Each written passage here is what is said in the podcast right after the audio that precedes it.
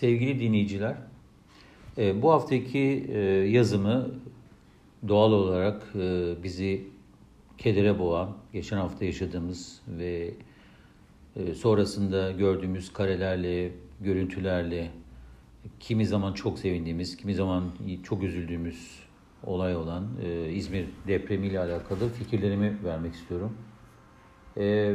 Tabii ki burada önemli olan bizim bu depremi yoğun yaşadığımız günlerde hepimizin e, empati yaptığımız ve depremle alakalı mutlaka herkesin kendi görevini yapmasıyla alakalı telkinleri gördük, inandık. Ama en büyük e, özelliğimiz balık hafızalı olmamız ve bunları e, daha sonra unutup hayatlarımıza devam edeceğiz günler olacak olarak görüyorum. Ama olmasın çünkü özellikle İstanbul depremi uzak olsun ama maalesef de yakın gözüküyor. O yüzden mutlaka ihmalkarlığımızı bir kenara bırakıp ne olması gerekiyorsa onu yapalım. Yazımın başlığı kadere sığınmak kaderimiz olmasın. Garip zamanlardan geçiyoruz. Doğanın yarattığı ölümcül tahribattan mucizevi olarak kurtulan özellikle küçük çocuklar için sevinçten gözyaşı dökerken gelinliğiyle yepyeni kocası tarafından sokak ortasında yumruklanan gelinin görüntüleri akıl sağlığımızı iyice dumura uğratıyor. Bu yetmezmiş gibi tüm ülke kenetlenmiş İzmir'den daha az acılı haber almak için dua ederken Halloween partilerinin yılışık görüntüleri sosyal medyaya partileyenler tarafından aktarılması karşısında bugün birlikte soluduğumuz insanların kimyalarındaki farklılığı çözmeye çalışıyor şoktaki beyin hücrelerimiz. Herkes istediği gibi eğlenebilir. Hayat zaten eğlenmekle de yücelir, anlam kazanır. Buna itiraz edenler yaşamın anlamını küçük ve kapalı dünyalarında çözdüklerini sananlardan oluşur. Lakin bir sokak sakinlerinin tamamı matemdeyken ve iyi haberlerin gelmesi için umutlu ama kaygılı bir beklentiye girmişken siz o sokağın bir evinde eğlenir ve üstelik bunu da sokak sakinlerine gösterirseniz bir yerlerde bir yanlış var demek değil midir? Evet, ateş düştüğü yeri yakar ama bari ateşin yaktığı yüreklerle bir nebze susarak dahi dayanışma göstermek neden mümkün değil bilinemez. İzmir ağlıyor. Çoğumuz da onlarla empati yaparak acılarını bir nebze de olsa henüz taşlaşmamış yüreklerimizi hissediyoruz. Ama nafile duygular pamuk gibi çocukları geri getirmeyecek.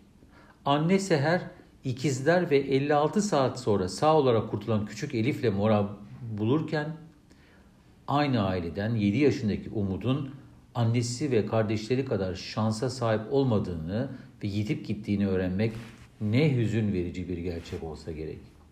Ya 17 yaşındaki Arda'nın aniden sona eren hayatına ne diyecektik? Tunceli'den girdiği TEOK sınavında açık arayla Türkiye birincisi olup İzmir'de özel bir kolejde burs kazanmasının akabinde depreme yakalanmak nasıl bir uğursuz kaderin umarsız doğası olarak görülebilirdi ki? 91 saat sonra enkazın altından adeta tekrar dünyaya gelen Ayda'nın annesiz kaldığını ona nasıl söyleyecektik? 14 yaşındaki İdil 58 saat sonra mucizevi olarak kurtulurken o melun enkazda yanında hayata tutulmaya çalışan 8 yaşındaki kardeşi İpek'in doğanın adaletsizliğine yenildiğini duyduğunuzda kime ve neye isyan edecektiniz ki? Erzincanlı müteahhit Hayati Uzun 1992 yılında yaşadığı Erzincan'daki depremde Emrah adlı torunu vefat eder. Uzun depremden sonra İzmir'e yerleşerek bu depremden en çok zarar gören binalardan biri olan Emrah apartmanını inşa eder. Lakin bu kez de kendi yaptığı binada diğer iki torununu ve gelinini kaybediyor. Oğlu ağır yaralı olarak kurtarılıyor. Ne garip ama ne kadar da acı veren bu hikayeye ne demeliyiz ki? Evet, meşhur klişe sözü tekrarlayalım. Deprem değil, binalar öldürür. Aslında şiddetli deprem de öldürür. Sözü daha gerçekçi bir saptama olabilir. Lakin bir afet uzmanının dediğinden hareketle şu soruyu sormamız gerekiyor. Dünya ülkeleri arasında deprem sıklığı sıralamasında Türkiye 6. iken depremden ölüm sayılarında neden 3. sırada? Neden? Bunun cevabı basit aslında. Bina yapımında kullanılan standart dışı kalitesiz demir ve içi deniz kumuyla doldurulmuş beton. Bu yapıları denetleyecek o kadar kurum varken bina ruhsatı verilmesini nasıl yorumlayacaktık ki? Ya ülkede sürekli çıkarılan imar affı kanunlarına ne diyecektik ki?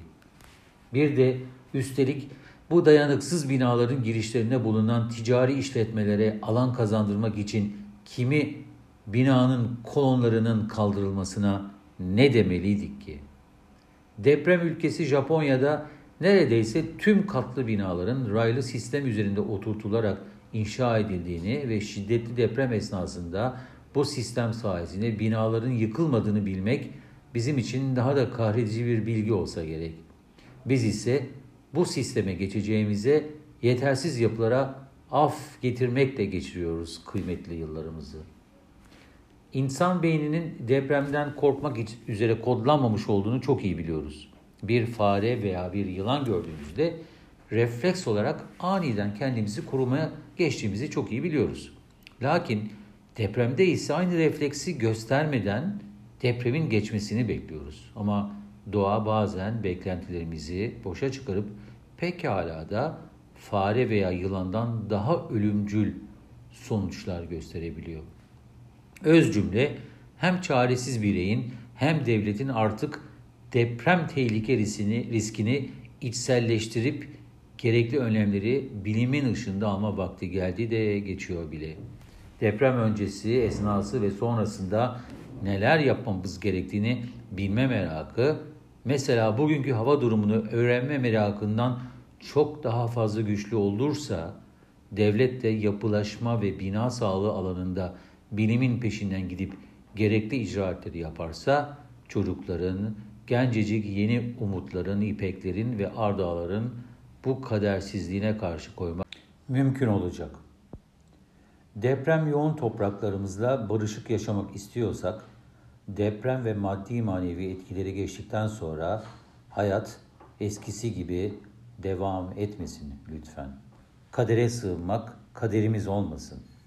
Her türlü tehlikeye rağmen beton yığınlarının altına inerek karanlık, tozlu, havasız ve tonlarca ağırlıktaki kütlelerin her an başlarına düşme riskine karşın tek bir canı kurtarmak için canla başla saatlerce uğraşan kurtarma ekiplerine büyük borcumuz var. Onlar insanlığı ve kadim iyiliği hatırlatıyor bize bu karanlık ve toz içindeki zamanın ruhundaki dünyada.